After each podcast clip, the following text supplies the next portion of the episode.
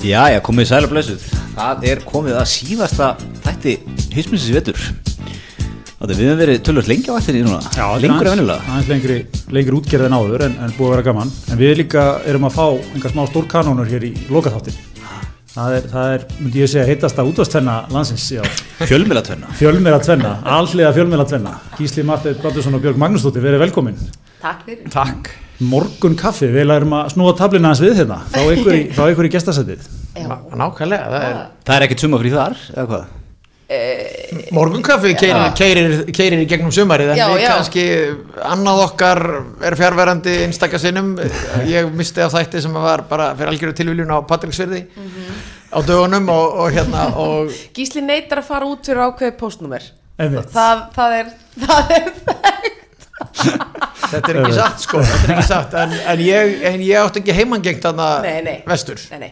Það er bara þannig. Er þú veist, já, við tökum svona, við, við stöndum vaktina eh, svona fyrir hvort annað aðeins yfir sjumatíman. eru, eru vestfyrirnir svona smá einskot hérna, er það svona 101 landsbyðarna svolítið, Er það Já. fór í söður Já, það er, það, smá sko, svona. já, er það ekki? Ég held það.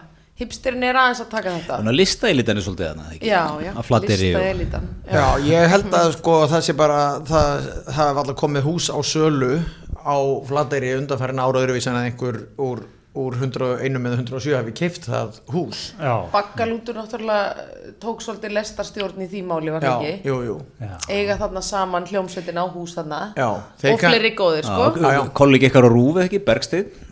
Jú, Hann hann, er- með hús Patró. á Patró, Hann er hlut, Patró, hlut já. í húsi þar sko gott að vera að tala svona rosalega mikið um annað fólk Já. Já, en Segja síðan er frá- sko Eignastuðu. segja frá eignastöðu Bergsteins hvað kipt, hvað skuldar bestirnir En svo voru einhverjir, einhverjir hérna léttir kettir sem keiftu vagnin eh, veitingastæðin Já.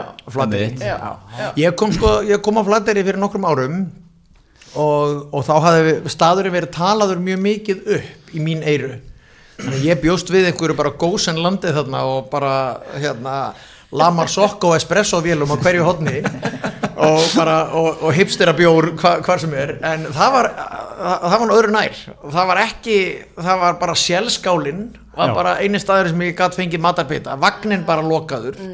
Þannig að ég var fyrir svakalegum ombriðum en ég sé núna ég var á undan bylgjunni. Ég var, ég var of hip ég var komin svo snemma. Já, Já, og ég var ekki, það vantaði alla íróni í þetta hjá mér og vantaði alla svona, alla, alla hérna, þólimæði, þannig ég, veit ég, yfirgaf þetta, ég yfirgaf þennan flatirarleik of snemma, af því að mjög skömmu eftir þetta, þá fóru öll hús að seljast upp og mér já. skilst að núna sé bara vaðandi skemmtilegt líf og líka ekki síst með þessum fína háskóla sem er komin hann eða líð, Einmitt. líð háskóla heitir hann það já, ekki já. En líka bara með að því vorum að tala um Patró án það er svona að maður sér að, að unga kynnslun er að koma tilbaka og þetta er náttúrulega þú veist hefur verið talað um lengi ef að fólk skilur sér ekki eftir heim og allt þetta. En það er að gerast þar.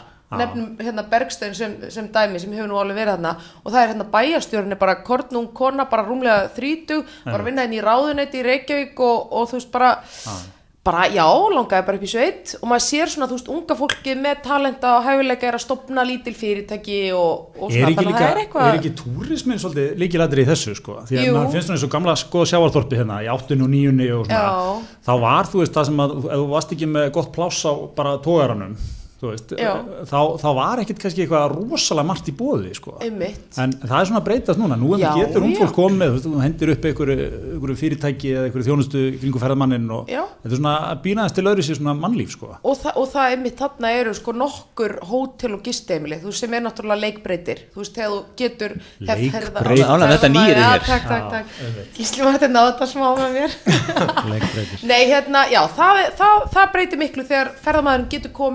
gista á einhverju næs hóteli og hérna kannski smá tíma yfir allt árið umkring. Já, og jafnvel borðað annars þær en á sjálfskálálum. Já, það, Með fullri virðingu fyrir sjálfskálálum. Sko. Já, já, þið heyrið að ég er ennþá, ég hálfgjör sjokki út af þú ert slegin Já, ég menna þetta var já, og, og ég, að því að ég fór hérna og ég gerði góða reysu um vestfyrði kona mín er frá vestfyrðum og við tókum, tókum góða reysu, tókum sko flóabótum baldur yfir frá, frá Snæfellsnesinu. Já, geggjað. Já, já, mjög stert og, og maður náttúrulega sko mér finnst vestfyrðir vera ég, allir túristar sem koma til Íslands, ég segi þeim alltaf að fara á vestfyrði af því að það er svo rosalega ólíkt öllu öðru og, og hérna og þessi ótrúlegu fjöll, þú veist, slétt ofan á og eitthvað svona. Og hérna, og ég fór hérna út um allt og ég var alveg gagtekin af náttúrufjörð og þú veist, mætti bara haferni á dýraferði hérna bara á, á þjóðveginum og eitthvað sem maður bara trúir valla en á þessum tímpúndi var, var þjónustan bara töluvert á eftir.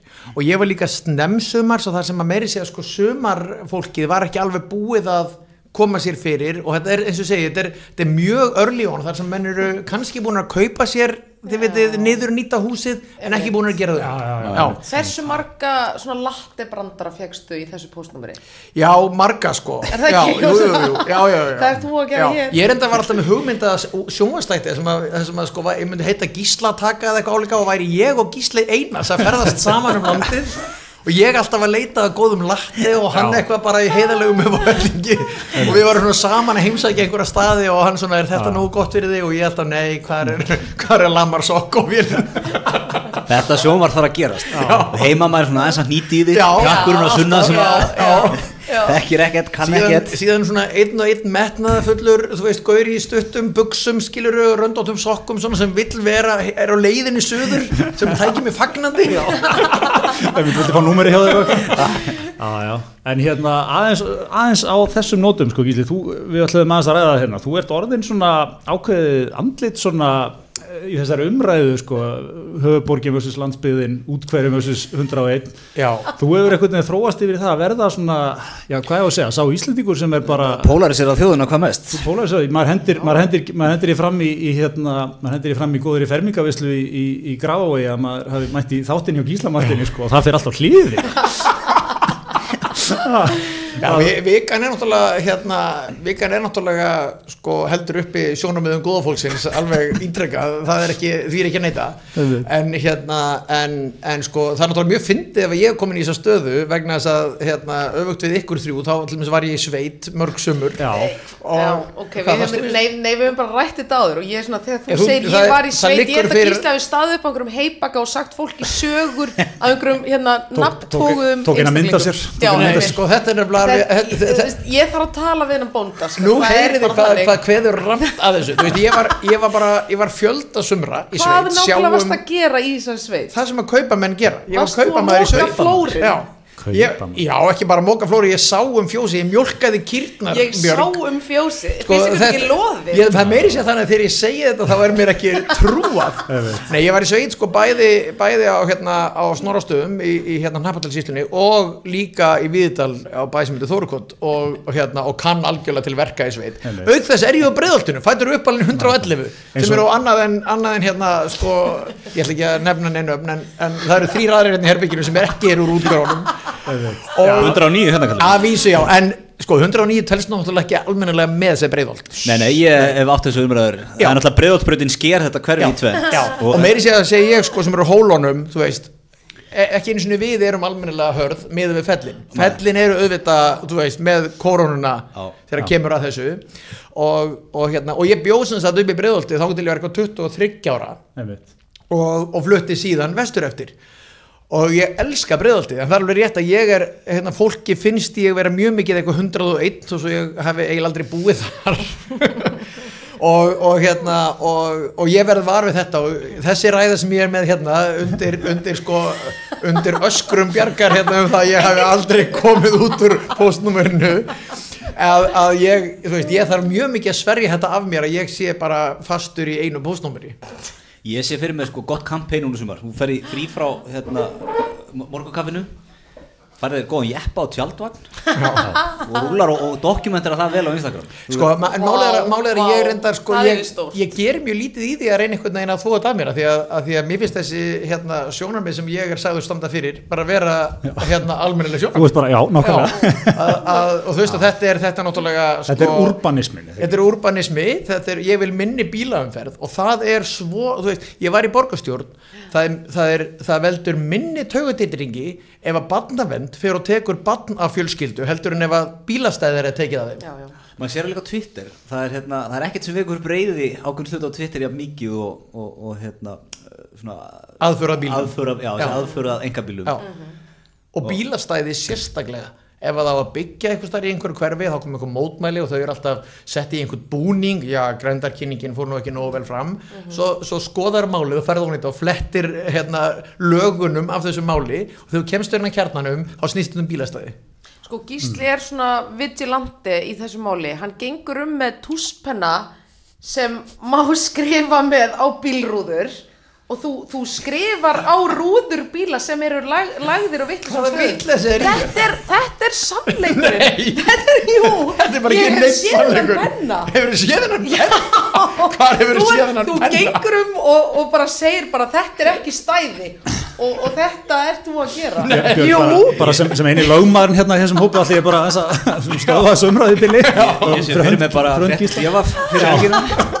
Gísli Martin krotar á bíla. En það er hægt að þvó þetta af sko. ok, þetta er þannig penni. Ég held að Björg sé að ég veit ekki hvort að hún gerir þetta sjálf eða ég gerir þetta ekki. Gísli, þetta er dagsa. Það er bannað að ljúa í veit, það er er er gera? rétt Ég, sko. það er allir farnir að svitna þetta inn átt En Ég vil, ég vil aðeins staldra áfram við tvennuna úr morgunkaffinu því að þið hafið síðan sko verið sendt hér út fyrir landsteinana verið, verið, fóru bæði á Eurovision og við viljum aðeins sko, náttúrulega búið að ræða mikið um Eurovision og Hattarann og menn býða spenntir eftir, eftir hérna stóra dómi Jón Óla Sand Jú, jú. Ég, ég er persónulega vakna hvern morgun stressaður að sjá hvað, hvað Jón Óla ætlar að hvaða viðulögum hann ætlar að beta okkur. Já. en við viljum aðeins heyra sko behind the scenes sögur.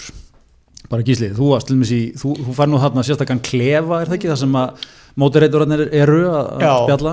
Jú, en við erum eru- að vísu sko ekkert mjög mikið að spjalla e, því miður ekki sem sagt hverfi annan. Nei, Nei það, en það er ekki þannig. Það er það ekki, er sko, það er frekar lítið af því. Það er nú samt svona fundir um, svona sérstaklega fyrir kommentatora og Já, en sko alvöru stjörnur eins og Graham Norton til dæmis, hann sendir bara aðstofamenn Já. á þessa fundi. Já.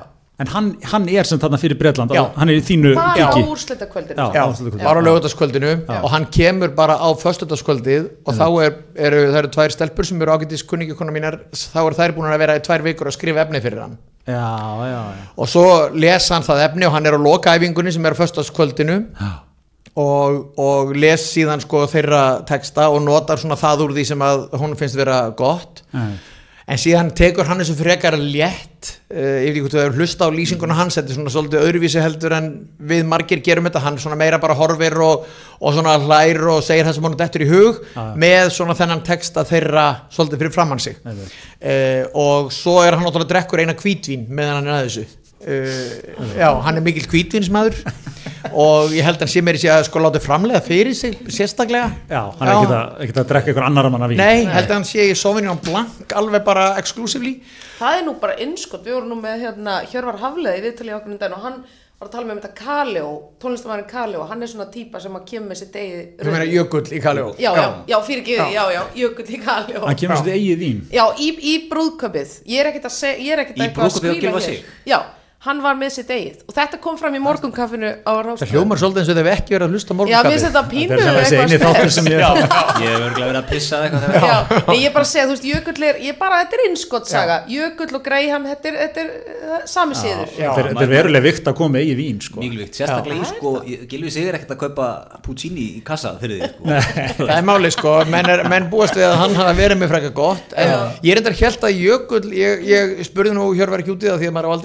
er við hann gott en Jökull ég, í sögu en held að Jökull drikki ekki þannig að ég veit ekki alveg það kannski meina hann bara drekka ekki almenn vín. Já, Drekk- það er drekkur hugsanlega þannig. Það er hugsanlega Já, þannig. hann er bara með sína svona br- bring your own booze á, Já. nýju leveli sko. Já, fyrir, fyrir tveimur árum vorum við á sama hóteli og berettarnir og þá, þá hérna, einmitt, fekk ég mig drikk með Graham Norton uh, bara því að það var, þú veist, við vorum nýra á hótelbarnum eftir æfingar og, og hérna voru svo sem ekki að skiptast á bröndurum endilega en, en, hérna, en áttum fínt spjall eitthvað bara, þú veist, um keppnin og eitthvað svona. Hann er náttúrulega bara super nice eins og allir.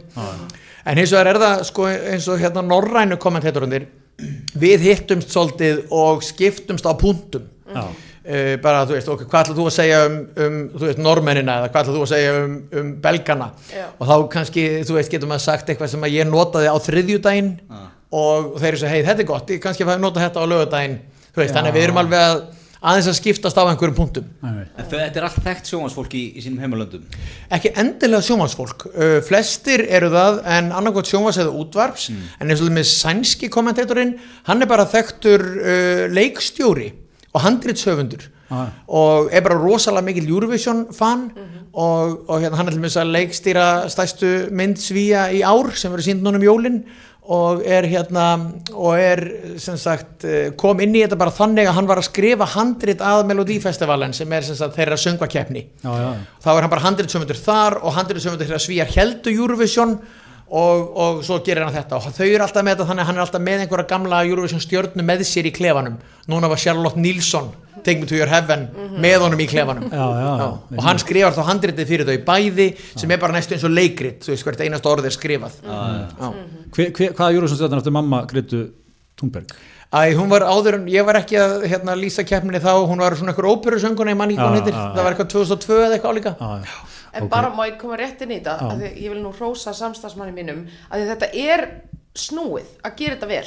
Að þú hefur svo óbærslega takmarkaðan tíma, þú hefur rauninni bara þess að 30 sekundum meðan postkortið er í gangi, þannig að þú þarft eiginlega að negla þetta alveg bara, það þarf að vera sko tímasett alveg mjög nákvæmt og þú veist þannig að öll djókin þurfa að vera bara ding dong En sko. það var búið að, fa- það er búið að fara yfir það í hisminu að gefa okkar manni mikið, mikið lof fyrir hennar Hann stóð sig ógeðslega vel. Þetta var, þetta var Meiri mjög svona, svona kaltænir kettir eins og ég í Já. umhverfinu sem að hlæja ekki oft upp átt Ég hló upp átt svona þrís af ekki, já. og brosti oft út í Það er, kampin er Þakka ykkur fyrir, ég þakka fyrir þetta hól en, en, en Björk, hérna, aðeins sko þegar þetta kom allt upp með hatara og svona og, það þurfti að fara að vinna í einhverjum málum. Persónulega hafði ég engar áhyggjur. Ég vissi af, af þér hérna, Felix Bergsson ég vissi af Felix Bergsinni, ha, ég vissi að það væri verið að vinna ákveðna hluti bakvið Já. og, og það er engin tilvílun að við höfum ekki ennþá fengið neitt frá Eurovision. Nei, þetta er sko, auðvitað vorum við, við þessu búin. Já, Þú veist, og auðvitað var búið að ræða þennan möguleika, að þetta gæti bara mjög vel gerst og, og svona, það var hérna búið að svótgreina þetta, myndi ég segja, hjá teiminu undir stjórn eh, Felix Já. Bergsonar. En þú veist, það var alveg búið að ræða þessa möguleika. Erum við þá að tala um hérna- að var fundarherbyggi með töflu, Felix að var teikna ekki Svo kannski náttúrulega sá ég að Baldur Þórals var með í ferðinni og Já, hann er ekki slæmt að hafa pólitískar Já. Já. með sko Ég- og fóreldrafélagið sem er náttúrulega landslið diplomati. Já, nei, ég meina, þú veist, en þú veist, maður er auðvitað búin að hugsa og, og hattari, þú veist, þarna, það var mikill hérna, þrýstingur og svona, það var svona, maður fann fyrir svona óróleika einhvern veginn fyrir og maður var svona einhvern veginn að hugsa hvað möguleika hafa þau, sko, hvað geta þau gert, ég meina, þau gætu, jú, þau gætu labbaðin á svið og bara svona ekki gert atriðið sem er samt, þú veist, hvað er einhvern veginn hvað ert að segja með því? Þú getur eiginlega ekki tekið með propsin á svið vegna þess að þetta er svo óbærslega þú veist, það er bara, það er allt æft svo gríðarlega nákvæmt þannig og svo eru 30 sviðsmenn og þú ætlar eitthvað að koma með eitthvað fána þú veist, þá, bara, þá er það bara stoppað. Já. þannig að ferli virkar þannig það á einhvern veginn ekkert að geta farið úrskeiðist þarna. Og svo eru þetta þessi, hérna, það er generalpröfun er filmuð kvöldið áður þannig að þú veist, yfir á sérst útsendinguna frá generalpröfunni ef eitthvað, ef eitthvað mega fyrir úrskeiði Ég sko. er nefnilega held að það væri þannig líka með sko bara sjálfu útsendinguna, Jón Óla Sand væri með, þú veist, hann væri með beinu útsendinguna, svo hefði hann svona tíu sekundar lag Er yfir í er eitthvað ekki alltaf annað. delay á svona beinu útsendingum? Ég veit ekki. Hann er, er, hann það það það er einhver verið að fá sér kaffi þegar við við fánunum, þeir hafa sloppið með þetta. Það verið hægt að klippa út eitthvað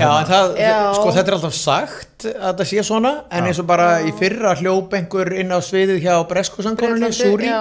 og þá náðu þeir ekki að, að klippa á Nei, nei. einhverja eldri útsendingu sko Nei, En nei. svo var ég að sjá, hérna, það var umræðum það á samfélagsmiðlum núna ekki fyrir löngu síðan, þá gefur nú DFD diskur með Eurovision hátíðinni núna og þar var fólk að tala um, ég hef ekki séð þetta sjálf, ég á ekki svona DFD spilara, en þar var fólk að tala um að það væri búið að klippa út skotið af Palestínu flagginu sem hattari sannlega tekur upp í Já. Grænæðarbygginu.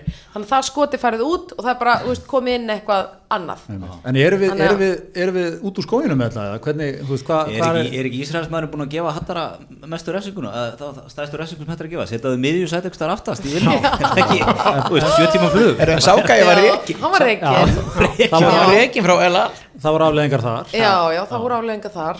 En Það var alltaf vittlust í Ísrael eða ekki út af því, það var, voru ekki mótmæli og Jú, sko, málið það sem var kannski smá skeri var að, var að við sáum þetta sem sagt á samfélagsmiðlum áður en við fórum í vélina Já. þá var eitthvað gæði sem sagði, heyrðu, sjáðu hvað ég er búin að gera ég er búin að láta það að fá vestu sætin í vélinni. Og byrtir þetta bara ofinberlega og, og, og hérna, við sáum þetta og hugsaðum bara ok, þetta er eitthvað djók nema svo komum við inn í vélina og þeir eru raunverulega í þessum sætum. Veistu, þetta var svona, þessi vél með sko tvo ganga hvort megin og þeir voru setið í miðjunni Já. á miðjunni og veginn. aftast, skilur ekki hægt að halla og þetta helst það já, já, farið ekki inn á, alltaf þegar farið í flug þá alltaf að fara inn á seatguru.com gerir það ekki? alltaf. Seatguru og velja sæti og þá kemur eitthvað þú veist, sætið er gullt nú, akkur er þetta gullt þetta er alveg við liðin á klósetti. Skilur átt að því Nei, ekki endilega þannig að hérna, þá, þá, lætur, þá skiptur um sæti alltaf að tekka þessu sko Einmitt. og þarna þessi maður var sjálfur bara seatguru og vissi hver voru verst Já, og setti já. hattara Já. þangað Já. en ég, sko, ég, mín skoðun er svo að bara allt entertainment er að verða svo politíst Minni sjáðu bara hérna NBA-leikmennina, þú veist, sem allir eru bara orðnir pólitíkusar, sko, og hérna núna er, er HM Kvenna í gangi, þú veist, alveg rampolítist Já, já. og hérna vókar. þú veist, I'm not going to the fucking White House, segir sko besta stelpan í bandarinska liðinu. Og, og hérna sama þetta bara með, þú veist, Beyoncé og, og Co. sem bara leiða hérna samfélagsbreytingar miklu meira heldur en stjórnmálumenn sem eru bara orðnir sko followers. Þannig að hérna þannig að ég held að verði mjög erfitt fyrir Eurovision að ætla að vera algjörlega ópólitísk og ég held að fólk vilja það heldur ekkert. Það vill engin flokkapólitík og svoleiðis leiðindi. En til dæmis eh, pæliði því ef að, hérna, ef að samkynniði fánin væri bannaður í Eurovision. Já, já. Þú veist, bara það Já, mætti já. ekki sem væri alveg ópólitíst, skilur þú, af því það er auðvitað pólitíst að vera með hann í mjög mörgum af þessum löndum. Mm, já, já, hérna, það væri bara svo bjánalegt og það sama gildir auðvitað um, um þetta, þennan palestínska þessa palestínsku veifu sem þeir voru með og voru kifti dótabúð. Já nákvæmlega, þetta var ekki eins og, eins og hefur nú margótt komið fram, ég meina Ísland á í stjórnmálasambandi bæði við Palestínu og Ísrael, Já, já. þú veist þannig að ég, maður sér ekki alveg hver er klæpurinn. Nei, mér fannst þetta að vera sko, hérna, ég meina ég fekk smá svona ég var, ég var ekkert undirbúið, ég glemdi alveg undirbúið mig undir þetta, ég hugsaði bara, þú veist ekki, ég hugsaði ekkert út í að hvað ég að segja ef þetta gerist, Já, já. svo bara gerist þetta. Já, já. Og, og ég var einmitt svona smá bara eftir að býta, akkur verði ég ekki búin að hugsa þú veist, vera með einn, léttan brandar um þetta, Já, já, eða já, eitthvað. Ég var ekki með neitt, sko, ég bara, mér kross brá Já, já. og þau voru sjálf, ég held að það alveg, með alveg segja það, þau voru í sjokki sjálf, þetta var svo spennu þrungið Já, andartak. þetta var það. Þetta var það, já, og- bara það eftir á og... og það, það, Já, já, það steinþagnaði allt inn í grænherbygginu Já, já. hinn er artistarnir, steinþögnuðu Já. og, og, og inni í þessu voru eitthvað svona VIP fólk sko, sem hefði kipt sér dýrar í sæti því að grænherbyggi var ekki inn í höllinni. Og það fólk fór allt saman að púa Þess að það voru allt saman bara Já, bara Ísraelsmenn einhverju Svo megastöðning. náttúrulega kom hann að greiðlega ólundarlegur húsvörður Já, já. Svona slags öryggisvörður Já, og bað þá um Give me- flöggin, give me flag. Já, já. En mér fannst áhugavert líka, spænski keppandinn kemur þarna og segir við þau bara, vá hvað þetta var hugrækt, þú veist, ef ég hefði flaggað katalónska fánanum í þessu græna herbergi í beinni útsendingu fyrir framann 200 miljonir, þá væri ég í fangelsi í dag, sko. Já, já, já. Þannig að þú veist, þetta er, þetta er, er erfitt að draga línu um þetta, hvað er list, hvað er politík, hvað er menning, hvað er hvað, þú veist.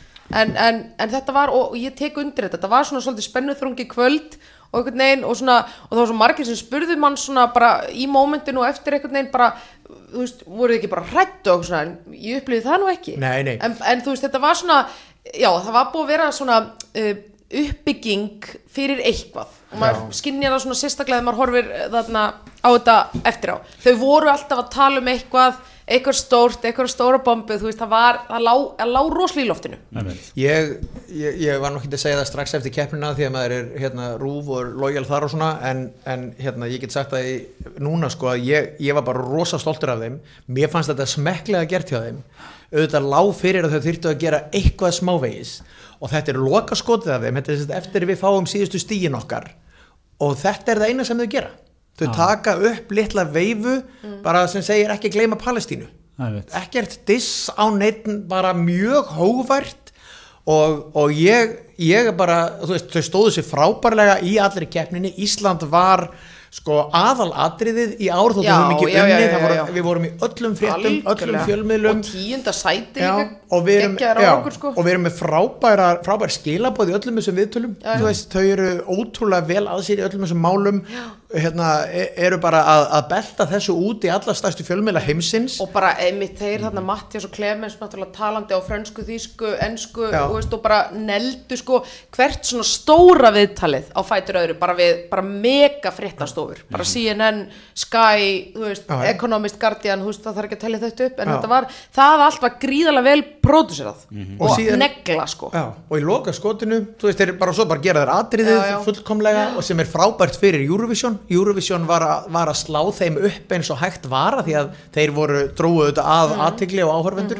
svo bara loka skotinu, ekki glemma Palestínu takk fyrir okkur Já, já. mér fannst þetta bara verulega smart eins og allt annað sem þau gerðu þetta úti Já, maður áttar einmitt eins og segir sko, þetta, það var líka búið að byggja upp stemningu í eitthvað sko, miklu aggressívara sko. Þetta var ekki Já. disrespect á keppnina nema síðu sé. Já. Þetta var bara full virðing fyrir þessari ágætu keppni og bara smá statement. En hvað er það máli statt núna? samt? Það er náttúrulega kom hérna frá, frá Jón Óla Sand sko, að það var eitthvað til aðtugunar sko, einhver viðurlög og eitthvað svona það er þá ennþá bara eitthvað í skoðun Já, ég, að því mér dætti huga þið myndu spyrja þessu þannig að ég gerði, ég undirbjó mundir hennar þátt með því að, með því að, já, með því að sko heyra aðeins í, í hérna yfirmennum okkar upp á rúf og það er einhver, það er eitthvað samtal í gangi Já. uh, og, og kannski þarf að vera einhver smá refsing uh, svona bara daldið að því að þetta var brot á reglunum og þá væri asnalegt að það sé engin refsing en ég held að, ég held að hún verði aldrei alvarleg og, og rúmun bara þú veist, taka, taka henni bara standa með sínu atriði. Já, já.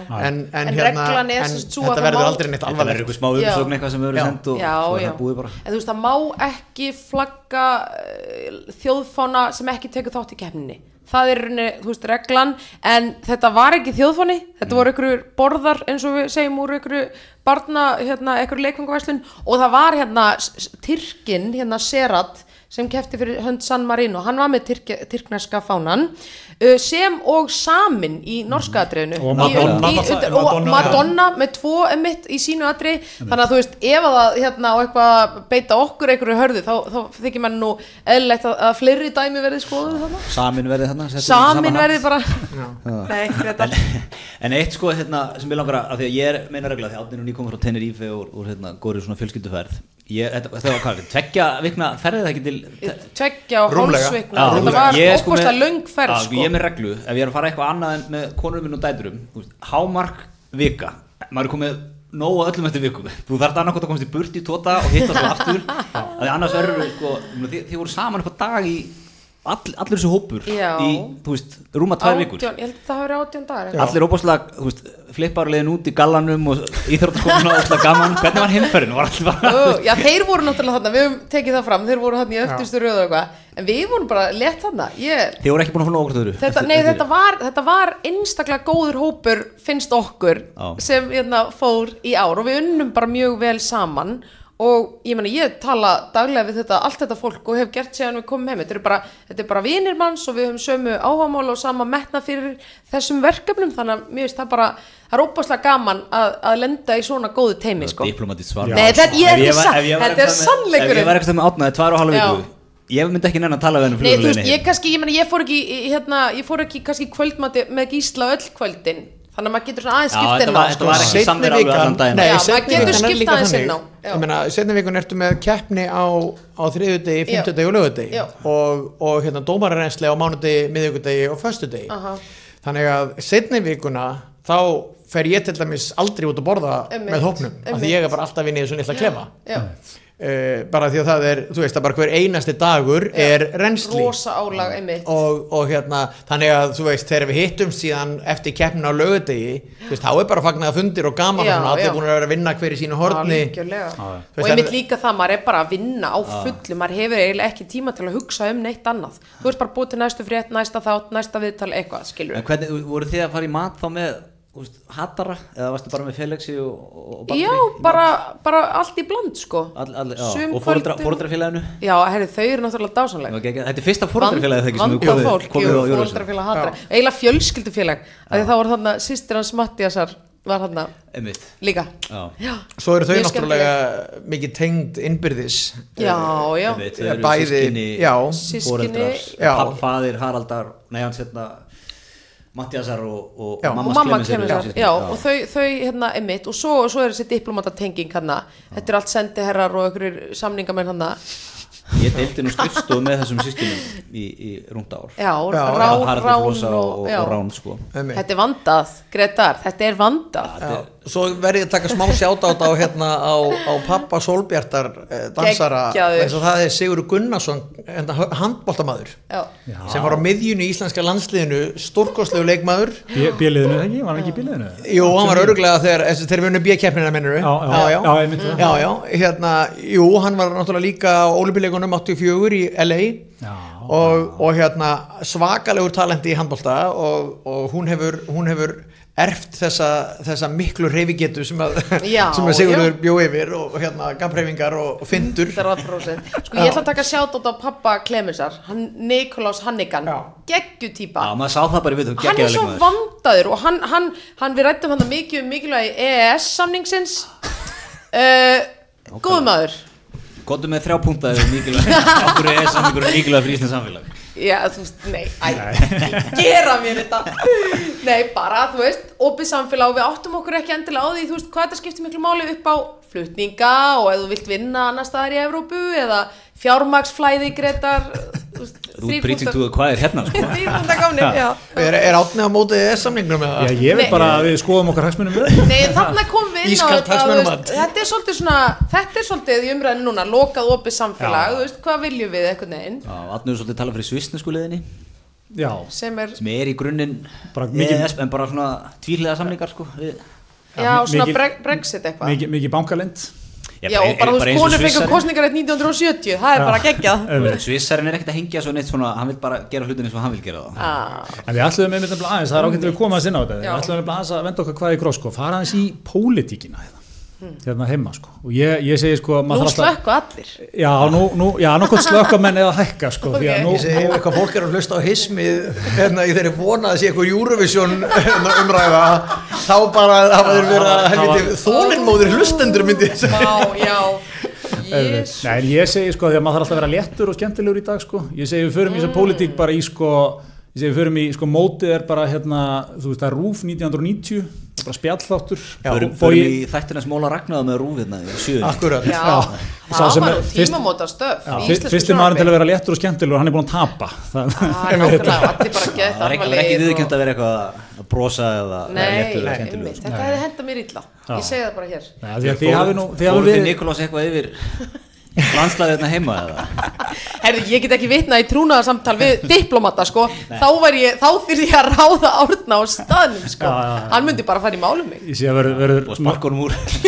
Það er nóg að gera eftir hann þátt hjá mér. Ég er að sinna málum. En, Já, hérna, já, já. en, langar þess að fara í þetta Því að þú, þú náttúrulega gíslið varst nú í, í pólitík Bara Já, sem borgarfullur og lengi. Björg náttúrulega hefur, það vita það kannski ekki allir En, en hefur aðeins stíð, þú varst nú formað stúdendar á Jú, jú. En það, ég sá nú fljótt að það var kannski ekki endilega mín hilla í lífinu. Nei, En ég er búin að segja við Gísla, ef hann fer aftur í pólitík þá ætla ég að vera aðstofmaðurinn hans. Já, já, já. Ég var einmitt sko að þegar við höfum hús á Siglufjörði fjölskyldan þar er amma var áskranda mannlíf í svona 40 ár sko. Og það er alveg bunkaður af mannlíf og ég var einmitt að lesa frækt, að vikuna hvað Já. hérna, frækt viðtala sem þú og, og konan er á forsviðinni Já. Fyrirsögnin er hrein og bein. Já, ég sá þetta á Twitter bara núna í vikunni. Ég var náttúrulega að lesa þetta viðtali fyrra, mikið viðtal. Þetta er svona 2001, 2003 orðið mm. Já, ég fer inn í borgarstjórn 2002 þannig að þetta er einhvern veginn eftir það. Já. Einmitt. Ég ætla ekki með ekki tala þennan ég tíma, var-? Jú, algjörlega, ég var vantilega með lögutaskvöld á þessum tíma. Ég veist að viðtalið hafi nú kannski verið meira tengt því heldur en því að ég væri varaborgarfulltrúi sem ég var þá sko. Svo var ég borgarfulltrúi 2006 og en ég held að þetta sé þarna á þeim tíma þegar ég er, Já. þegar ég er í, með lögutaskvöld Var ekki rétt mun að 2006 gerur allir á fyrsta setinu á, á Jú, móti Villa? 2005 raunar í prófkjörinu í átni stuttum minn og ekki, glemir því ekki? Nei, er, er, ég, þú varst að kaupa pizza fyrir sko- verslunarskólan manni og rútur og svona. Þegar ég var í Vestló, ég man eftir þessu. Já, uh, Ég stundi það ekki heldur, sko. Nei, nei, þú ert náttúrulega hérna, varst gólandi kommunisti þá hérna, eina manneskjan Vestló samt í Buffalo sko, það ekki? Mikið. Já, ég, Buffalo komi já hérna, en, en hérna, þetta var náttúrulega risastórt prófkjör. Já, og hérna var bara eins og að stopna eitthvað lítið fyrirtæki Já. á, hérna, á örfáum vikum eða mánuðum. Og, hérna, og við kerðum bara á þetta og vorum alltaf með hugmyndina ok, við fáum 5.000 atkvæði þá erum við búin að vinna þetta. Mm. og svo fengum við rúmlega 5.000 atkvæði en það döði ekki til að því að það er svo mikið af þessum atkvæðum sem að við tókum bara inn sem nýtt fólk. Mm. og, og náttúrulega ég skilaði mér ekki. og svo náttúrulega skilja þú er ekki. ég, ég, ég verð sko samt að taka ég, maður, það, það var rosa meðbyr með þér hérna sko en, en svo var svona ég, maður náttúrulega var bara svona logi alveg einhvern hóp sko í mann þess vegna stundi ég vilja sko. Þú veist alltaf mikill vilja maður já mikið vilja maður alltaf bara Kornungur og, og Kornungur, það bara já, það er náttúrulega ok. það sem kannski er svolítið við þess að flokka í dag. Það er, þetta, þetta er svona dálítið fyrirbæri í þessum flokkum, menn Já. eru opaslega svona, þú veist, lojal og það, ekki að ég hef eitthvað hitt Viljám nokkru sinni, Já, já. heldur bara svona einhverju vinimanns höfðu Já, hitt já. eða skilur Já, stuttan. Þú bara heldur með liðinu daldið En svo sko mér til varnar í þessum hóp hér Ok. verð ég að segja sko Jakar á 2010, samviskubitinu. 2010 þegar að okkar maður var, það var ekki að mikill meðbyr með þér þá mann ég, Nei. aðeins upp á móti Já. þá var, ég, þá var ég á vagninum sko. Já, ég man, ég man vel eftir þessu átni og hérna og vil nýta þetta tækifæri til að þakka fyrir stuðningin og, og það er og það er líka sem að, sem að er alveg sko hérna sem að sko skiptir miklu máli af því að þú ert að koma, ert að koma úr uh, hinum einn rygg, ryggjar sko, þú fóst yfir ryggin og komst með okkur sko, það Já, er alltaf, já, já. maður kann alltaf vel að meta það en, en, en sko ég hef sjálfur náttúrulega frá því ég byrjaði hérna sem varaborgarfullur 2002 þú veist, þá var ég náttúrulega bara í, í Davís æskunni alveg svoleiðis grjótharður bara vagnstjóri á þeim vagni. Og, og var með alveg helling af mjög vittlusum skoðunum varandi borgamál Veist, ég kem inn í þetta bara alveg á þess að hafa í rauninni neinar frumlegar skoðanir sjálfu, bara steig inn í eitthvað svona hugmyndamengi sem að þá var í gangi ef maður var sjálfstæðis með að þá bara var maður með mislægum gatnamótum og móti strætó og svona eitthvað helsta.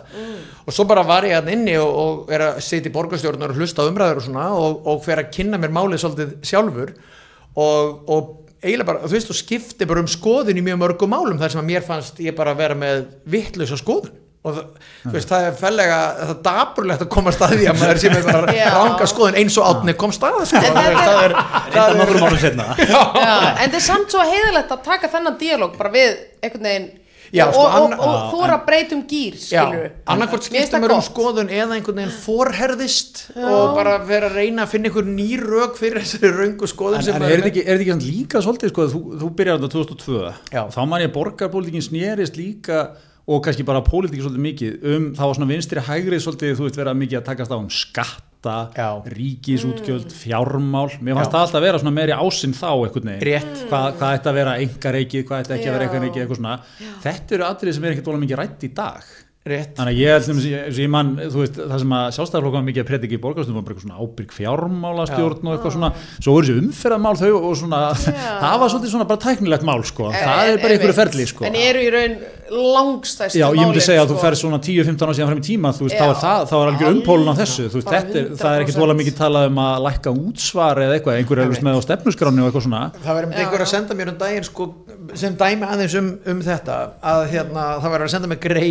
á hérna, er einhverju viðtali þá mjög blöytu bak veirun en íkomerinn inn. En er að mótmæla sér byggð í Úlfarsfelli? Er að rífast eitthvað Alfred Þorstensson sem að hérna, kallar mig öllum millum nöfnum eða svona, þú veist, gerir mjög lítið úr mér ég veit nú ekki um þetta nýkomin inn og eitthvað svona. En ég er að segja að það á ekki byggja þarna upp í Úlfarsfelli þú veist, við höfum að byggja hérna einhvern veginn nær miðbænum og eitthvað svona. já, já. Ég er búin með þessa skoðun æ síðan, sjálfstæðarflokkur var þá á þessari skoðun hann er síðan búin að flippa algjörlega í málinu. Af því að núna vilja mjög margir borgarfjöldur og sjálfstæðarflokksins einmitt byggja meira í Úlfarsfelli en meiri hlutin í borginni vil síður byggja þar og vil byggja meira miðsvæðis. Þannig að þú veist, þetta er svo hvað er, að því að stundum er ég held að það hefur verið viðskiptablaðinu í vikunni þar sem, að, sem er svona látið að því liggja ég sé orðin vinstri maður já, svona eins og, þess, eins, og, eins og Gretar situr undir ámælum það hér í þessa þætti gjarnan. En hérna og, og hérna og ég meina mér rauninni alveg skýtsama hvort að menn kalla mig vinstri eða hægri mann. En, en hins vegar er að þú veist að því að, að því við erum í kablanum þessum við viljum að tala um pólitíki sem þætti þá er sko svo margt sem að er bara ef einhver ákveður eitthvað sé hægri mál þá er það hægri mál. Þú veist, það er alltaf í nári hægri mál að vilja byggja í Úlfarsfelli en það var vinstri mál fyrir nokkrum árum. Þannig að fólk átt að- að segja þessu? Einhvern tímann, þú veist, akkur er, akkur er hægri mál að byggja mislega gatnamót sem kostar marga miljarda en það er líka hægri mál að eyða engum peningum? Þú veist, þannig að hérna, það er svolítið, og frjáls innflutningu landbúnaða vara það er bara fullt af sjálfstæðismönnum sem eru algjörlega á móti því, hvernig er það ekki hægri mál? En þetta er alveg eitt sem er svo áhugavert í dag. Mér finnst einhvern veginn pólitingi þannig. Það er að teiknast upp eitthvað svona ásísu sem er svona íhalds svona þjóðræknis ás einhver sko og maður sér þetta í alveg, þetta fer í gegnum rosalega mörg mál sko, þú veist þetta er alþjóðamál það sem fólk er orðið að því við vorum að tókum að bolta þetta upp úr EES samningnum sko. Já, já, og nei, það er orðið ekkert er eitthvað svona já það er ekkert orðið eitthvað menn, menn slengja því bara fram að segja sko í dag þú veist, já við bara þessi EES samningum, mér er bara eiginlega saman mann sko. Þú veist, ég vil náttúrulega fara tvisar ára til tenni og, og, hérna, og það má ekki vera neitt vesen þar sko, ekkert á flugvöllinum sko, Já, en, já. en, en þú veist að örleiti er mér alveg skýtsam um þetta sko, og ég, meni, ég vil ekki fá eitthvað frósinflutt kjöt hérna, ég geti fengið fengi bakteríur af því sko. og, eitthvað, og þú veist, Einmitt. þetta er svona eitthvað tilfinningu það og eitthvað skuldbundin er, er ekki lengur til staðar sko. Já, já, og, og þetta er kannski í svona, ég veit ekki, mér finnst þetta að vera að teiknast upp í mörgum málum sko, já, þessi svona fílingur, þetta svona, þetta fer í gegnum, þú veist, sérstaklega kannski miðflokkin, sjálfstæðarflokkin, framsunarflokkin þessi, þessi svona, þessi, og orkupakkin náttúrulega gott dæmi um þetta líka, sko. Það er svo umræðan líka orðið miklu polarisandi, hún, hún, er miklu, hún er svo fórhært umræðan, hún fórhærist bara, þú veist, menn grafa sér bara dýpra og dýpra niður í sitt mál sko, ekki svo gísli sem að umpólaðist þarna, Nákvæmlega, það, sko. tók, það tekur nokkur ára umpóla já, já. En þú veist, þetta er, þetta er, menn eru bara í skotgrónum einhvern veginn, í sínum málum. mér finnst þetta að vera svona, þú veist, Róm brennur og við erum að tala um þriði orkupakkan Þú veist, við erum að eyðileggja jörðina Við erum að eyðileggja plánetuna. Það er allt að fara til fjandans Nema Elon Musk skell okkur til Mars Fattiði. Þú veist, og við erum bara eitthvað svona En það stendur hér, þú veist, við, við erum ekki að horfa á stóra boltan, sko. Já, já. Ég sá það reyndar að gera hana talandi um Elon Musk og gaming og svona Já, þáttur á sá þar var einhver mestari bara með það Einmitt. Þannig að við erum það bara með jörðina hérna. Já, já, já Svona bara eins og- eins og gott sumabústað hverfi Já, bara svona eins og ég, ég hef alltaf mikill talsmaður, ég las sko fyrir mörgum árum það las ég bók sem að heitir The Case for Mars og Já. það var bara eitthvað maður sem færi rauk fyrir því, þetta er bara 98 eða eitthvað, ég, var í fréttonum hérna, sem Já. sagt, var að vinna þar. Og hann kom til Íslands þessi maður, við erum vikings og kvikmyndagerðum að var mikill hérna, advokat fyrir þetta og flutta hennar mann inn held ég og, og hérna og og þess að hann var með þetta að við ættum að flytja til Mars búa til gróðursáhrifin þar sem við erum búin að. Já. búa, búa til óvart hér þannig að Já. þá kemur lofthjúpur og þá getum við bara að lifa þar. Og, veist, og alls konar skemmtilegi hlutir eins og bara það er mjög lítið hérna, aðdráttarafl ekki jarðar heldur aðdráttarafl Mars þannig að við erum öll sko fjóru-fimm metrar á hæð þú veist bara því að, því þingdrafli heldur okkur ekki niðri. Veist og bara ballettsýningar þar eru þau náttúrulega stórkostlegar því að stökkin eru þau alls konar svona já, en, en, en já, ég er algjörlega sammála með að þetta, þessi íhalds frjálslindis ás er í rauninni miklu meira interessant núna heldur hann hægri vinstri ásinn Já. uh, og þessi gamla hægri vinstri ás sem var þá aðalega um skatta og, og þess áttar hann er bara mjög lítið í umræðinu og ekki bara hér heldur út um alla Evrópu. Þú veist, núna snýst þetta rosalega mikið um innflytjandamál og, og þetta er náttúrulega svona, þetta er ákveðin menningar menningar stríð sko, við sjáum endilegsar kannanir það sem er rosalegur flokkspólitísku munur á því hvers, hversu mikla mjólk menn drekka veist, og þú getur fundið bara samingi með þess hversu mikla mjólk drekkur þessi maður Já, já. hversu líklegt er að hann sé á móti þungunarofsfrumvörpinu skilur einmitt. og, og alls konar sem þú getur keirt saman einhverja svona upplýsingar og þá Mhm. bara sérðu ákveðið mengi og þetta náttúrulega tengist búsetu mjög stert tengist mentun mjög stert Er þetta ekki, útastöð. er þetta Já. ekki skotið úr ófærð hérna þegar Ólafur Darri tók hérna svona fullt bjórglasa mjólk Já. og fór svo beint að sofa? Akkurat, Já, já, og, og menn líka áleittuðu þá að hann, að Hamar Þórs og þetta, Já, já, hann drekkur mjólk, hann er sennilega skeftiskur innflytjendur. Þú veist að því að þú getur eh, búið til svona tengingar. Já, já, já, já. Já, en þetta er, þetta er áhægt, þú veist, og það- og það fer í gegnum margt, skilur, það fer í gegnum efnagsmálin eða einhvern veginn líka svolítið og, og svo er kannski þessi hinn hópur sem að, ég veit ekki hvort að, þú veist, er nú kallað góða fólkið eða, ég myndi að, frjálslindis ásinn einhvern veginn, sko, en auðvitað er hann líka, þú veist, það eru svona, þetta sést, svona, veit ekki, það er ákveðna mótsagnir þar líka, sko, þú veist, finnst manni, þú veist, það er oft svona, manni finnst oft, sko, þar er svo, það er svo, það er svo mikil svona andakt einhvern veginn, það alltaf að einhvern veginn að tengja sig við hópa og tengja sig við sjónamið og það Já, má, já. það má ekki segja neitt slæmt um neitt og má ekki tala um hlutu öðru sinna einhvern ákveðin hátt og hinn hliðin á þeim peninga síðan að seima mjög grimt þá sem gera það ekki sko, tala ekki alveg rétt eftir, eftir handritinu sko.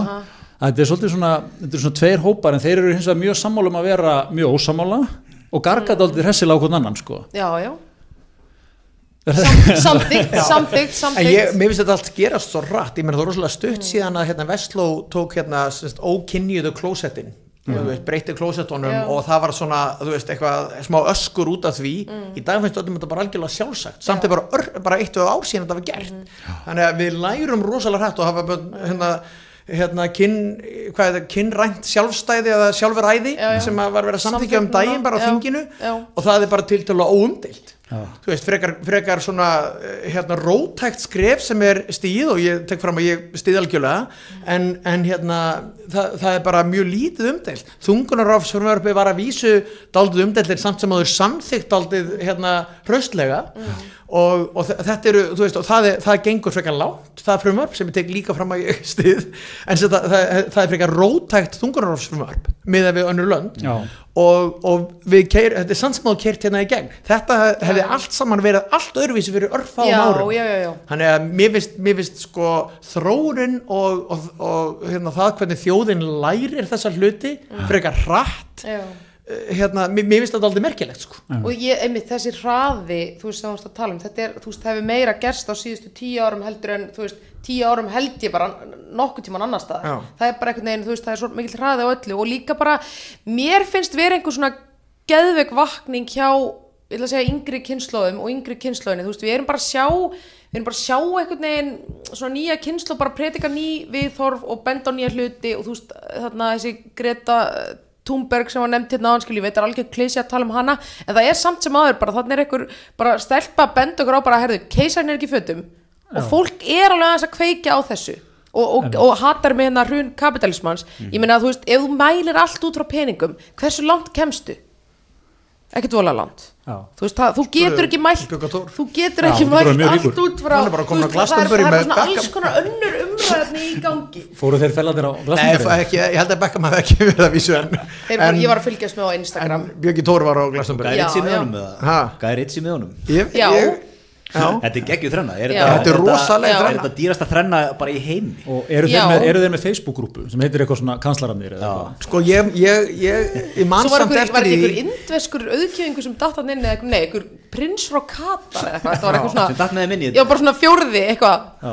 Sko ég man þegar ég heyrði að Fjölni Bragason væri með, hérna, nei Fjölni Þorgilsson væri með Melbíi þá fannst mér. Ísland vera komið bara í, í sko, þú veist, up to date. Það var, ég heyrði bara hérna, hérna litla stefið sem er, þú veist, level 2 bara mér ég, og ég heyrði þess að sögu sko undan vinnum mínum og bara, og þú veist, það var náttúrulega ekki einu svona Facebook eða neitt á þessu tíma, Já, þú veist, já, ég bara gat ekki beðið eftir partí um kvöldi þar sem ég gat sagt þessa sögu. Þetta er var mest juicy saga Ó, sem já. að, miklu meira heldur en að heldur en að Björki Tór sé einhvers stað með Beckham þetta var, að þetta tengist nú Beckham sko, því Mm. Já. að, að því fjölnir Spice var þá bara að chilla með Beckham í Já, aftursættunum já. okkur limma sínu Já, já. þeir voru, okkur finnst það ekki sérstaklega við kipum okkur ekki upp við að Björki Tór sér veið með Beckham þú veist maður svona, já, ok. það er málið sko En sko, þetta er líka málið ekki er- ný já. frétt, þetta er ekki nýr vinskapur Ef hann væri nýr, væri maður kannski meira já, svona þú veist þegar Fjölnir var að sko deyta Mel B það var bara, þú veist, þú hættir því sem þú varst að gera.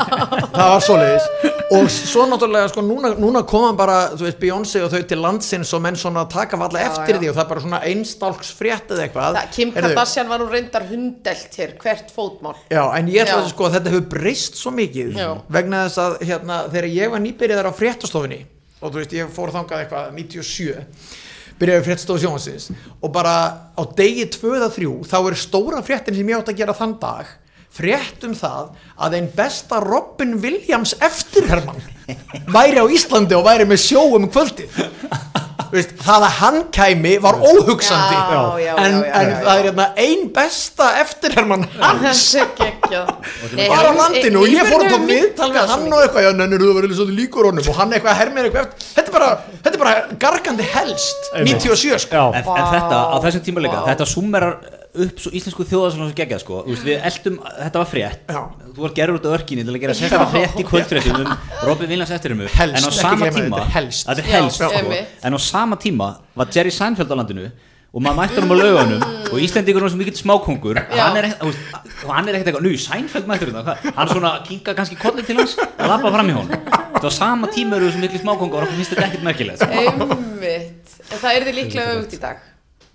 Er það? Nei, þá? Sænfeld yrði hundeltur hérna hann og hundeltur? hinn hann að eftir hermann Heldur eftir hermann er ekki Hvað er að fara að lafa ekki- honum, ég hef ekki- hef ekki Væri sko. Þetta ennþá helst af að hann verði með eitthvað eftir hermu ég, kvöld? Nei, ég, tók mitt svona samfélg moment sko, þegar ég var, í- ég var í Róm eins og ný á Körbáltaleg og satt í góðum sætum. Ég var, var að heimsækja Jón Arnór Stefansson og það var svona upp í hálfleik það var 2007 og það var upp í hálfleik í drikki og svona og Francesco Totti er þarna sem er sko bara, var minn uppáðsleikmaður og er bara Legend. bara legend sko, bara hann er herra Róm.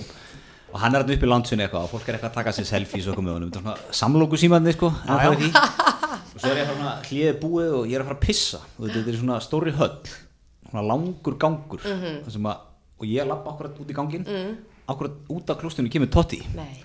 þannig við löpum svona á móti gurum í svona 15 sekundur ég tók bara eitt svona tjá, bara svona smákonga nikka á hann Já, sko. Vá. Þú veist, ekkert eitthvað sælir þú veist, ég bara heyrðu, ég dýrka lendi í þessu sama. Eitt smákonga nikk. Já, Hann fekk tilbaka bara. Hann fekk tilbaka Ég- ég leikmenn að mætti- mætast. Ég mætti Engin hérna- orð þörf. Ég mætti Will Ferrell nákvæmlega svona í Portugal í fyrra. Og ég, ég var með mjög hraðan hérslátt ég skal algjörlega viðkynna það. En ég var bara og ég segi eitthvað, ég segi eitthvað, nei, nei, ég ætla að vera ógislega kúl bara og hann var bara svona, bara svona, já, eða? bara svona, bara svona mjög létt. Svona, það sást mögulega ekki en þú veist það var samt til staðar skilur Já, ég, ég er veginn of meðvitaður í það að fara í ykkur nei það er sjálfur alltaf, og er eitthvað. alltaf ég, mikið. ég bara, nei, ég get það við ekki erum smart. Já. Já, og svo er líka er- mér finnst ekki að- mér finnst eiginlega miklu meira spennandi að hitta Megas bara hérna heldur en að heldur en eitthvað vil farilega, þú veist, eða eitthvað sem stendur nærmann ef það er eiginlega meira áhrif á lífmanns kannski. Já, Það er náttúrulega mjög magna bara að hitta Megas það. ennþá bara ennþá bara round sko en herðu bara eitt hérna í lókinu aðeins svo setjum punkti fyrir aftan í pólitíkin. Það er ekki hægt að fá þig hérna öðru sem ég á ræðið þetta gíslinn maður að spurja hvort að það sé getur verið að kýtla að koma aftur í borgarstundina Já, sko nei, nei, sjálfur sér ekki. En, en ég er með, ég er með rosa mikinn áhuga á þessu málum. Ég- ég alveg þarf að næstuði vita- obsessívan áhuga. Ég þarf að vita svona 2022 hvort ég er stiðið Akkurat, það er rétt, ég meina ég náttúrulega myndi treysta á að, kletturinn væri þarna með mér ég meina ég verð að hafa eitthvað þannig baklata því að eins og þið vitið þá er, þá er andstaðan við, við bílahatrið umtalsverð en ég verð að hafa sterk, sterkt fólk Já, bakum mig. já, já. en, en hérna, ég, mér finnst sko, mér finnst rosa gaman að taka þátt í þessari umræðu.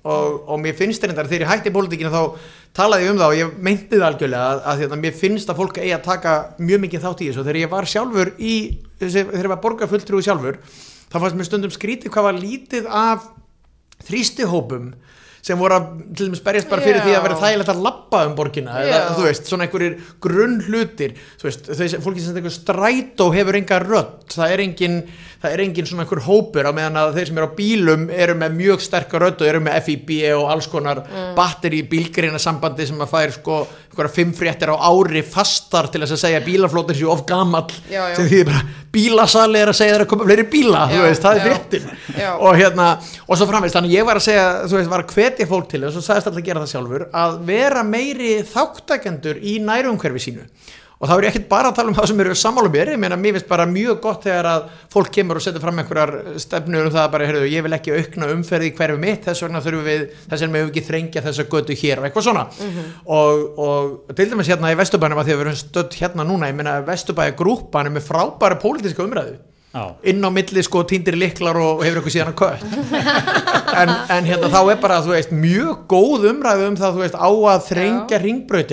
skilur hérna Já, eiga, eiga krakkar að geta farið yfir hvar sem er eða eiga að vera ein undirgöng sem allir, öllum krökkum er smalaði gegn. Þetta eru sko bara hápolítiska spurningar Já. og ég get alveg sagt okkur hvaða afstöðu flokkarnir hafa í þessu, að þetta er bara flokkspolítist mál. Og já, þannig ég sem sagt saði að ég ætlaði að vera svona óopenber borgarfulltrúi og ég mun allavega halda því áfram. Og svo bara hitt kemur í ljós ég er ekkit á, ég ætla ekkit, ég er ekkit á leiðin eða að fara í neitt svoleiðis en ég segi hins vegar, þú veist, ég nenni heldur ekki spila eitthvað aðstæðanlega póker með það að, að hérna þú veist, gefa eitthvað í skín en ég myndi gera það aftur ef það myndi svona koma einhver reyfing, eitthvað moment, er eitthvað bara mál sem kæmu upp. Já. þannig að fólk segði, heyrðu, við verðum bara að bjóða okkur fram og gera eitthvað í þessu. En er það ekki mitt aldrei nútíminn að fólk er frekar kannski að, einmitt, bara svona að berjast geðveikt fyrir einu máli, einu stökumáli, frekar heldur en að fara inn í einhvern flokk og þurfa að samþykja allan málefna listan þar. nýjasta dæmi um það er nú bara maður sem er með gíslamartin á bæng. Já, hvað með hann? Ma, ma, það er alltaf góðu dagur þegar maður sé þið hérna, eitthvað sumar vera að kljásta á, á, á Twitter. En ertu ekki búin að blokka hann eða sérðu þetta allt saman? ég kýs að tjá mig ekki um það. Ég hef ekki Aftur það lögmarna stíðin í þessar umræðum hér, ég mun ekki en hérna en, en hann, hann fyrir ekkert í töðnanum hérna, hversum ástæðin er fyrir því sko, en, en já, hann virðist vera alveg að, að, að eh, læsa sig mikið við miðflokkin uh, í allavega sumumálum Já, já, og bara hann var nú alltaf framsóknumæðurinn í Galandæg mann þegar við mynduðum stjórn með með framsóknumönnum eftir kostningana 2006 þá var, þá var, þá var sem ég vil aldrei langt undan. Já, það var svo leiðis já, hann var svona Björns Inga maður sko, svolítið. Já, já, einmitt. uh, hérna, þekki típuna? Já, já. framsóknarmenn sem eru, eru, eru hérna, og svona núðunar miðflokkur en samt mjög léttir í þessu svona þú veist, góðu kapitalistar og, og hérna, veitinga, veitingabransinn Stemning- og þetta. stemningsmenn stemningsmenn algjörlega að fara á völlin Já, já, já, Sigmar, ef ég hef skilið hans platform rétt, það er sko mjög harður á móti þriða orkupakkanum. Já, og einmitt, jafnvel að, að, að láta menn í samningnum að heyra það, sko, eða nefndina þetta hann og Nikolás myndu klárlega takast á um þriði orkupakkan og Sigmar, ES sko, við þurfum að fara að senda menn eins og Sigmar á þessa samningafundi. Mæti bara með vel í vörinni og segja mönnum hans til syndana, sko ekki neina diplomasíu, sko. Eh, með svona þrjá talpunta fyrir djúpt í þetta bara hamrar á þeim. Hamnar á þessu. Og svo hérna hittmáli er sko að vera mjög frústreraður svona maður fastur í ártúnsbrekkunni. Já, sem veit ekki hvort hann er í raun og veru en, en það er svona mengi sem margir tengjast inn í sko og hérna, og það er alltaf verið að slá þessu á þig gísli. Jú, jú, mjög mikið þú sem er, náttúrulega, þú náttúrulega þarft ekki að vera að fara í vinnuna eins og vennlegt fólk. Akkurat, það er mikið tekið. Þetta- sko, En það er endar eitt sem ég hef aldrei skilið og ég er algjörlega heiðalega með það. Ég hef aldrei skilið af hverju fólki sem er fast í ártónsbrekkunni er á hérna, móti mínum stefnumálum um þéttingu byggðar eða byggð í Vassmýr eða eitthvað svoleiðis. Af því að ef þú byggir ekki hérna vestu frá þá ertu bara að fara að setja fleiri í ártónsbrekkuna og ég bara segi það fullum fötum ég hef ekki hugmyndum af hverju ég er ekki með vaðandi stuðning í gráðunum Já. Frek, frekar heldur fólki sem vil byggja fyrir 20.000 Áhugavert. mannum bjólfsfelli sem allir munu fara ártúnsberkuna Já. og mun lengja ferðartíma þeirra í vinnu um 20 mínútur saman með borgarlínu bara já, Já, akkurat opnar hún? Það Er það ekki, er það ekki gerast núna? Jú, það er ekki- fá sam- eða Þú veist, þetta er svona aðeins þetta er, komið að, áfram. þetta er að mjagast áfram Þetta já. mjagast, já, já. hans fólk á nesinu með eitthvað og það. nei, nei, þú- svo komið ljós bara að það vaðandi stuðningu við þetta á nesinu og bara eitt borgarfullur á móti Vaðandi stemningu En, en nesinu, já. hérna, já, en svo er náttúrulega líkil spurning í þessu sko, er hvað þyrftur að bæta við mörgum akrinum í ártúnsbrekkuna eða þetta er náttúrulega fáraleg spurning, skilji en, þess að maður hugsa það, sko, eini viðbót hvað var hún fljóta að fyllast á tværi fljót hvað að var hún fljóta að fyllast? Já, já, og, hvar verður teppan þá næst Já. skilur Já, já. Ég held ég að farið verið náður þegar ég var í LA núna í vetur. Já, í þinni kveikir- ferð. Já, minni grunnsalegu ferð. Þá kveikir á sko sjónvarpunum mótana og það eina sem er á öllum stöðum er umferð. Já, og það er bara búið að búa til ristóra grafík. Og það er bara hraðbrutin, hún er annarkot græn eða rauð eða appisinu eða eitthvað. Já. og það er bara, það er það sem LA er búin að gera. Það er búin að bæta við agrinn svo bæta við Einmitt. agrinn, og svo Akkurat. bæta við agrinn Já. þetta er allt orðið stappfullt Já. við erum að tala við innfattaðna Já. það er fólk sem er búin að búa þarna í 20 ár Þú veist, LA hefur alltaf verið slæmi trafík sko núna, þú ferð ekkert á neinum tíma sólarlegsins á þess að verið trafík þú veist, þú gast farið milli kannski 11 og 3 Já. gastu farið og verið svona nokkur- núna ertu já, bara já, alltaf já. bumper to bumper Já. og þú ert bara 40 myndur allt Já. Díti Júnis fór nú einmitt. þetta hérna með Já, já. Já, En þetta er mjög áhugavert og þetta er, þetta er kallað þetta induced traffic að því að, að, því að hérna, þessi nýju umferðarmannurki munum bara kalla á meiri, meiri traffic. Og núna náttúrulega eru veist, þúsundir reykvíkinga að taka strætó í dag. Ef þeir myndu allir hætta að taka strætó Mm. veist, þá er bara ennþá meiri umferð. Og það er sem að gerist ef þú bætir ef allur peningurinn í infrastruktúr fer Mm. í fleiri agrinar þá eru færi í strætó og færi hjólandi og svona.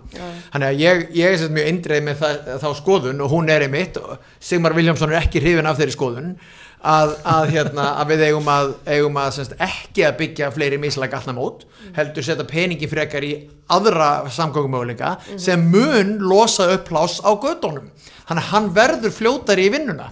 En mér finnst þess að hann stiði bara fólk sem að er með stefnumál sem að láta hann vera lengur á leiðinni í vinnuna. Og ég, ég segi það bara algjörlega hreinskillislega, ég hef ekki hugmyndum af hverju Sigmar Viljánsson og aðrir stiðja mig ekki í þessu Ég held alltaf að Sigmar er bara, hann er bara í miðflóksleiknum, hann er að tala bara lóðbent inn í sitt mengi, maður sá það bara, Eurovision, þannig þegar Hattar að koma með fánan á svona tíu sekundur, þá var hann Já. tilbúið með eitthvað tístafna, Já, já, en svo snýrst hún hugur sko 12 tími setna ég var það ekki kalt henni Hann dró allt tilbaka Ég las það var sem kalt henni. Já, já.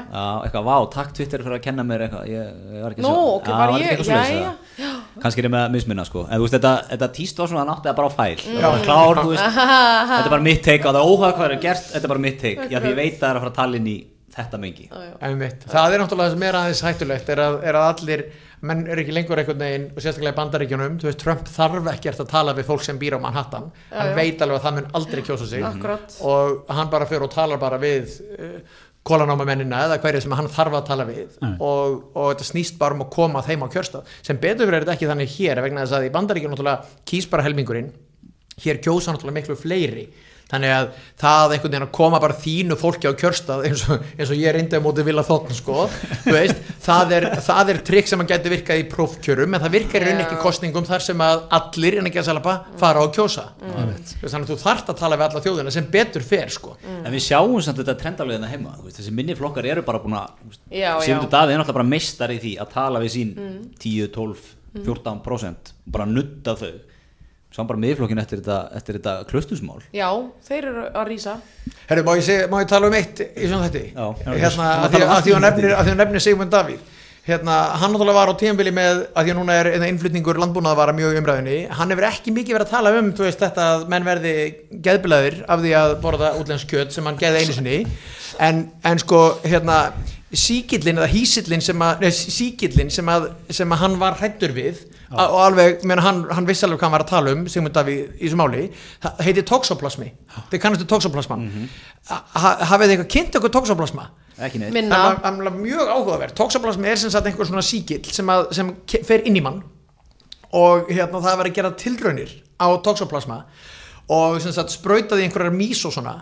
Hegðunum þeirra breytist bara eiginlega neitt nema einu leiti þegar er sett sko hár af ketti í búrið þá fara mísnar sem eru ekki með toxoplasma bara þjóta í burtu af því að þetta er bara í DNA-inu þeirra bara þú trættur við ketti. En toxoplasma músin hún bara mætir. Ald, eins og þið myndu orða það, aldrei lítil. Aldrei lítil, alltaf stór. Hún mætir kattahárinu er óhrætt það er sem toxoplasmin gerir ok. Og toxoplasmi er bara, það fullt af fólki er með toxoplasma aðalega á meilandinu og, og hérna, hann er, hann er sérstaklega hérna, áberandi í kringum miðjarahafið og eitt af því sem talið er að hann geri er þegar konur eru með hann. Þetta er, þetta er, sem sagt, þetta er upp úr læknavísindu sem ég er að segja þetta var læknir sem sagði mér þetta. Já, er að, er að það er talið að konur sem eru með toxoplasman í sér klæði sig frekar í raukt eldrauðan varalit þú veist hérna, sem einhvern tímann hefði verið kallað femme fatale mitt það er, það, hérna, við sjáum svoleiðis konu næst þegar eru í Ítalíu horfið á hana, toxoplasmi. Taki mynd, sendi Sigmundi Davíð. Heyrðu, en, en málega er það er ekkert málega að vera með hennar toxoplasma. Þú veist, þú, þú ert fullkomlega heilbyrði manneskja. Já, en en, þú- það, það kemur eitthvað svona í þig þar sem að þú, þar sem þú færið þessa þetta, er skúli ekki. með toxoplasma þá? Hvað segirðu? er skúli móð með á það er alltaf góð spurning hún hefur verið mikið erlendis ekki erlendis en vissu þetta? Nei, þetta Nei. er er mjög áhuga er fræðslu hort hismisins Já, Þetta er náttúrulega svona eins og segir með að við söður Evrópu svona svæði, menn eru með kassanandótt úti þar Akkúrat, og svona, það er engin lítill Suður-Európum væri svolítið aggressífur. Það er mjög sjálfgætt að hitta menn sem eru litlir í sér er Ég held til dæmis sko, nú erum við hérna þrýr allir bara með efstu tölunum Já, hrefta já. Toxoplasmi, þrjár tölunum svoleiðis. alveg um leið, um og gullkeðuna með Við höfum ekki sjálfstöft í þetta. Nei, nei. höfum klift bara hneftur upp í háls. Já. En það aðalega verið íslensku kjöti. Aðalega. aðalega, já, já, ekki, ekki borða, einflut erum við talað um að borða, seguðum við yfir í í, í spóns þáttarins. Já, við erum í samstarfið Dominos sem fyrr. Ha, Það er ekki tóksmáplasmin þar. Já, þeir ættu kannski að fara að henda þessu upp. Pizza með smá plasma. Verður stór í þér. Verður stór fyrir helgina. Skúla mók pizzan Gæti verið eitthvað. Rátt út en kjött þá en, Já, en það var ákveðið hérna, ákveðið líka kynnti inn í þessa umræða allavega um, um kjöti þessi hérna að menn voru fannir að greina íslenska kjöti er ekki með þessar fjölónæmu bakteríur Jú, um jú. daginn. það kom, það er svona aðeins búin að finnst mér, ég hef ekki heyrt meira af þeirri umræði í svolítið tíma sko Nei, og svo er búið að vera að flytja inn kjöt það bara hefur verið frosið en, en fristingin, hún, hún slær bara á, þú veist, einhverju örfáa af þessum punktum sem hefur verið að tala um gegn erlenda kjötinu veist, þannig að þetta er algjörlega falskt öryggi. Ef ef menn vilja kalla það öryggi Já, já. Ég sá nú, ég var nú að fundi á sögu Já, jú, jú. daginn. Já, þar sem ég- Gretar hefur þetta kynnt sér þessi málvel. Ég kent mér þessi málvel, ég var, var fundastjóri á, á hótelsögu Já. Bændahöllinni. Já, bændahöllinni Þar sá ég glæru frá honum hérna doktor Karli Kristinsin eða ekki, Mm. pappa marathón hlaupar hans, heitir hann ekki Karl Kristinsson Jú, heldur Því þetta. hann alnafni vinnur okkar Já, passar. læknisins líka Við er hann pappi Kára? Já, hann er pappi Kára Já, ekki vissi ég þetta. Kári er topp maður og hérna, þar sem sagt var sett upp glæra sko, með, og það er bæði magnið á þessu og svo, eh, vissu þið það að það færðu spánar, þeir eru 16 sem líklega að fá kaffilubattir Sa, hérna salmonulega sig. Já. Ok, okay. úr kjúklingi en á Íslandi, Aha, bæng. Þetta er og- bæng. Þetta er bæng. Þetta er bæng. Já, þarna staldraði við og hugsaði sko. já. Uh, og svo Gemaðurinn bara já, La- ég til dæmis mun ekki fá mig kjúkling á Spáni. Ah, Það er svo leiðis. Er, ertu að leiðinu til spána? Nei, ég er ekki alveg Spánar. Þú ætlar ekki í pakkaferðina sem og, átni og mun fá mig kjúkling og, og hérna. Polo, var mikið polo þarna á, hérna, tenni. Vel matreitt reyndar, Já, algjörlega, við, við hlustuðum á þetta. Þetta var, emitt, ítarlega yfir þetta farið sko. Já, eru þið jafnvel að gæla við teineferð í framhaldinu eða? all inclusive teineferð Sko, ég, ég Gísli, átti þú ert, þú ert ósó tenilegasti maður og eh, sko, mér fannst þessi fína yfirhersla þín Já, hérna, og þessi, þú veist, ég, ég sé mig ekki alveg hérna í Dórata dælunni bara allan daginn. Það- þó svo að Vassarinn er bautagarðurinn hljómi vel, sko, en, en hérna, Þú ég, ert náttúrulega sko, ef þú gerir þetta ekki þróst með krakka á leikskóla og, og snemma á grunnskóla aldrei, þá ert ekki að fara að gera þetta Nei, núna. sko, hann kemur Nei, munurinn á okkur átna, sko, þú veist, hann er mikið að tala um þetta séu út, á krökkunum, eitthvað svona, þú veist, þegar mínir, fyrir tíu ára, þegar mínir dæti voru litlar, sko, þá fórum við í hjólaferðum burgundar hér að, vorum að smakka vín og osta og ég, svona, var í, sko. ég, var í bordóðu fyrir mitt sko, Ja, akkurat, já, og þetta er, þú veist, ég meina, kemur ljósu þetta hvort börnin hans átna eða mín verða meira vesen í lífinu, hvor ferðin hefur skemmt þau meira. Já, já, við, við, við förum yfir það sem við gott að það, er, gera. það er alltaf meira og meira að koma, koma í ljós sko. ég, mér langar að vera að, þú veist, Komdu Já, já. bara út með þetta Já, já. ég, þú veist Það er- Við viljum öll vera meira eins og við viljum öll vera hann meira Það er dálítið þannig er- ekki sem ég vil, ekki sem ég vil. Hann. svolítið að vil skólan Ég, ég vil vera vil, ég vil vera með, með vel í vörunni, Leopold tengi, Raukt kjöt, raut kjöt, svona- frist það er svona, Simmer ennþá það sko, Átni var náttúrulega lengi vel sko, eftir þú svona fegst kaupmátt og varst svona smá eldri þá varstu mikið svona nautnaþrútin fyrstu árun eftir Já, þakka fyrir.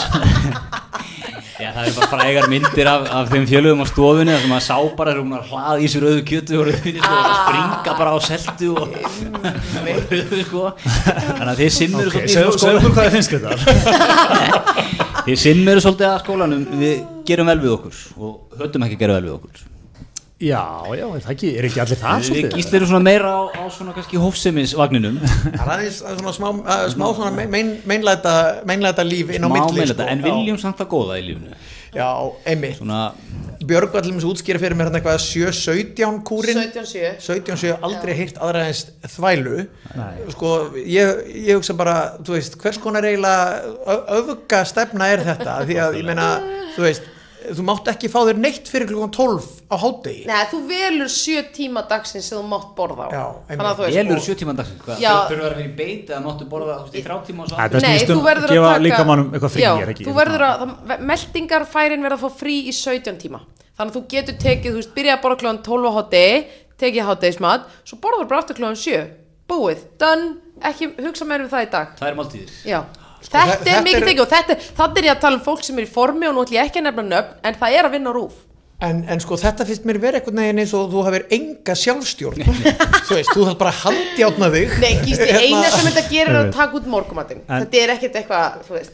En talandi meina, um- þetta þú er borðar ekkert ekki eitthvað eftir verra. ég hvenar, hvenar eigum við greitar að fá okkur ostabakkan og rauðvinnið, ég meina bara, bara fimm En, við en, erum alltaf hérna, við evróskum tíma sko, við erum ekki að vinna svo gaman fólk í sem borða Ég held að því séu báðir svona að vinna með hérna hóflegar skamtastærðir fyrir utan, já, já, Bara- það gildi að, bara, um lífið þú almennt veist, þetta er svona gretar á kekspakka í þú veist fjóra mánuði. Já, frækt er þú þarfst að, henda síðustu keksunum. Frækt er að gemaðurum fyrir aðeins út á lífið og menn enda í ykkur svona nætursnalli, sko, og menn svona borða þetta eins og hungraðir úlfar, sko, ekki okkar maður, hann fer yfir með helmingin heim á hann í ískapnum og borðar hann svona, hitar hann upp á hann eftir, nú er þetta búið til eitthvað það er búa til.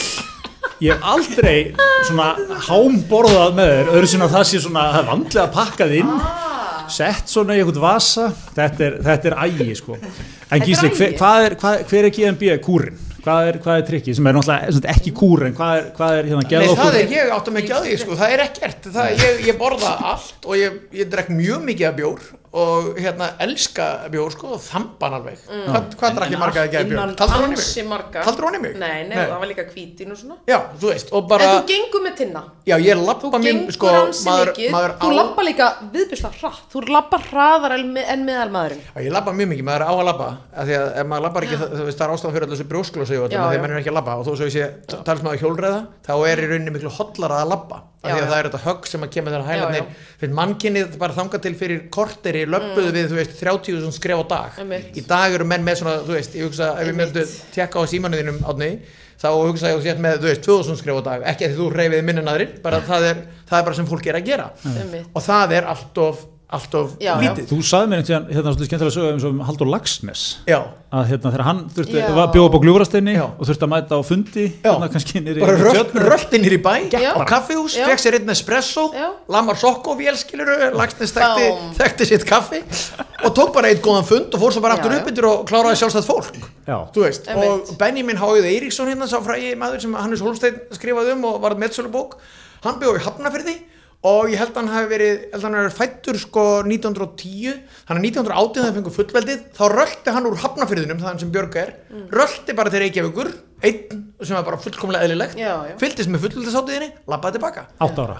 Átt ára, frá Hafnafyrði og, og menn bara, fólk bara labbaði. Já, já og ég er að reyna að labba, ég meina, þú veist það maður á að labba tíu sem skref á dag eða ég held reyndar meira, en ef ég labba sko heima frá mér í Vesturbænum og upp í Rúf sem er nú alveg slatta langt, það eru samt sem ári ekki nema 6.000 skref, þannig að þið Já. sjáu hvað þetta er mikið Já, sem maður þarf að labba. Já, já. Mér mér finnst þetta ekki, mér finnst teikið þættin með núna að vera Gísli Marsteinn, hann er komið fram yfir hjólreiðarnar. Hann vil að fólk labbi. Ég vil að við hendum þetta er er svona eins og þegar hipsturandi er ekki, ekki lengur með vínilblöðunar komin í kassett, Já, já. Görsalega búin að missa sjónar Já, já, já Hvað stoppar þetta? enn lengra í. En lengra. Það er bara að labba. Hann hafði þar á móti hjólinu. Það er orðið á mainstream fyrir því. Já, allir að hjóla Labba núna. berfættur. Gísli er löngu hættur að hjóla sko. Perfættur að svo er það Já, hann og menn í þeim skóla hérna. Jú, jú, Ég hef séð einn og einn. Það er eitthvað í Já, Vesturbænum sem er berfættur alltaf er. Hann er í. Halló. Það er, og hann tekur að grjótart. Hann, labbar bara vet, vetræðar og allt sko. Já, það er vel gert sko. það er kannski Gísli eftir 5 eða 10 ára. Já, Já, það já. getur verið, þetta er, það er svo mikil þróun í gangi. Ég, Við veitum ekki hvað þetta endar. Nákvæmlega, herri, þetta er orðið þetta er ekki orðið heldur góð yfir fyrir okkur? Ég held það, já, hvað þarf að lengi sumafrí já við þurfum að gera það nú- við erum nú oft með okkur við svona vikuna í, í tímatali Já. byrjum svona fyrstu vikuna frí, síðustu vikuna frí jól og hættum svona réttir réttir Mjög gott Enda, enda sko verði ég að gefa þættunum það hérna hrós hérna líka fyrir mig, til dæmis þegar ég er undurbúmi fyrir, fyrir hérna þáttin Já, af vikunni já. þá, er, þá finnst mér algjörlega frábært að lusta á hismið fyrir Mhm. að taka vikuna svolítið saman og mm -hmm. þeir hefði gefið mér sko fullt af hugmyndum eh, hérna í gegnum tíðina að Mhm. spurningum og, og málefnum og svona þannig að ég, ég bara mjög gladur að fá koma er langsins í þáttin sjálfur þetta er risa, Þetta er er er mestar hús sem hismi getur fengið. Er það ekki? Já. Þetta er rándýrt. fyrir utan það að þeir voru okkur að neymdroppaði í Eurovision sko. já, það var, það var mjög Ah, stórt. í klefan, úr klefanum. Úr klefanum. Það er ég, var nú að nota ég var að nota hérna, orðbræð úr þessum þætti. Þannig Já, að minnsta já. sem ég gæti gert var að þakka aðeins fyrir mig. Að Já, sjálfsögðu. Já. myndist eitthvað ákveð við Graham eða, var, hann var eitthvað ykkur hvort það var fá ennska útgáfa af þessu. Já, mjög við eigum heimbóð þegar þetta er í Sauvignon Blanc gott sem hann framleiði sjálfur. Oh, Herði, en gegja, já, við allavega bara þökkum ykkur fyrir að koma og þökkum fyrir veturinn. Uh, munum svona láta í okkur heyra með, með, með höstunum já, við búum við um ágústu Herði, já, segjum bara Takk fyrir okkur, takk fyrir, takk fyrir okkur. Takk fyrir komuna. Já, takk fyrir okkur